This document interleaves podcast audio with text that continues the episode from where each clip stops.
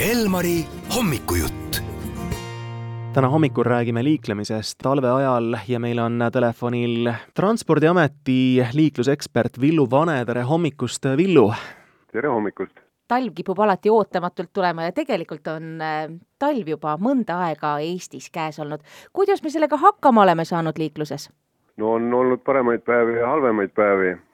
eks ta on raske aeg meile kõigile sest teeolud muutuvad kardinaalselt ja see tähendab seda, et me peame ka oma elukorraldust natukene nüüd talve järgi sättima.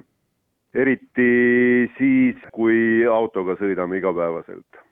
et tuleb varuda rohkem aega, hommikul tuleb tõenäoliselt kümme-viisteist minutit varem tõusta ja mis põhiline, eks me peame kogu aeg jälgima ikkagi teeolusid ja, ja käituma vastavalt sellele siis, kuidas need olud on. et kui on teed lumised ja, ja libedavõitu, siis tuleb kiirust alla võtta ja, ja leppida sellega, et töölesõit võtab kauem aega ma arvan, et siin talve ajal jälgivad ka liiklejad palju tähelepanelikumalt, mida ilmajaama inimesed räägivad. aga mida auto puhul ise autojuht äh, saaks ära teha, et ette valmistada ennast selleks selleks pikaks, pimedaks ja lumiseks ja lörtsiseks ajaks?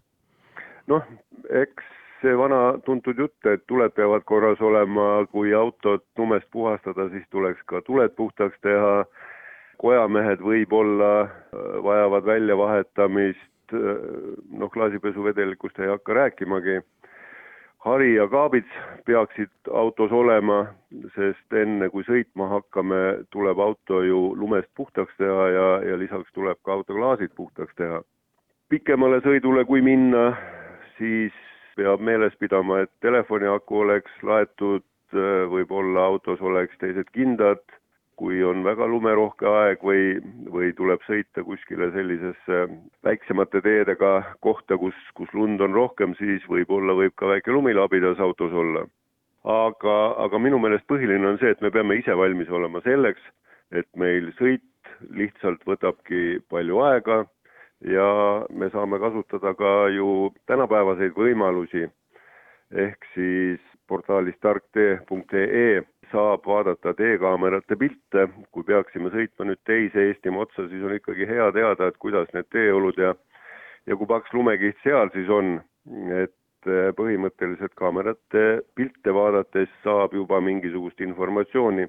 lisaks sellele on ka seal õhu ja teetemperatuur ja teeseis, nii et eh, ka sellele tuleb natukene või võiks natukene aega kulutada, et teha nii-öelda kerget luuret suveks äh, kõrgemaks tõstetud piirkiiruse määra märgid on talveks peitu läinud, kuidas sellesse maagilisse üheksakümnesse, mis suurtel teedel ikka püsti on, äh, suhtuda talvisel ajal?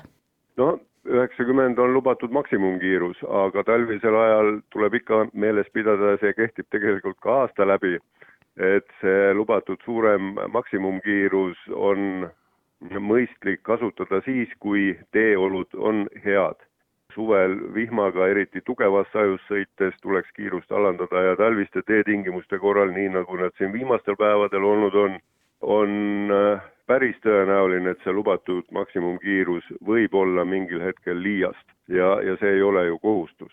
et võtame asja rahulikult äh, ja, ja kui teed on talvised, kohati libedad ja lumised, siis alandame natuke kiirust ja jõuame turvaliselt kohale kui sõidad seal seitsmekümnega või, või no paremal juhul kaheksakümnega, sa jääd teistele seal tropiks ette, ikka on hull julgelt, kes alati sõidavad üheksakümmend või pluss, et kas siis seda peaks häbenema või, või mismoodi siis käituda, kui sa jääd teistele ette? tuleb sõita rahulikult enda võimete piires. kui see kolonn seal taga väga närviliseks ja väga pikaks juba läheb, noh siis võib ju võtta korraks bussipeatusesse ja lasta neil minna, aga tegelikult siiski on nii, et äh, neid uljaspäid jääb vähemaks, kui see tõe on tõesti lumine ja, ja, ja kehv. et ma ise tulen suhteliselt varahommikul tööle, on, on mitmedki korrad, kus terve autode kolonn sõidabki seitsmekümnega, sest tee on äh, lumine, libe ja ei ole neid kihutajaid nüüd nii väga palju, mõni üksik võib-olla. aga las nad siis lähevad, katsume meie ikkagi rahulikult liigelda just nimelt, oluline on ju ühes tükis ja tervena jõuda sinna, kuhu me jõuda tahame. suur aitäh, Villu Vanne, selle toreda jutuajamise eest ja kui kellelegi võib tunduda, et jälle te sellest samast asjast räägite, siis hakkab juba midagi kohale ka jõudma. ja aitäh teile ja turvalist liiklemist kõigile!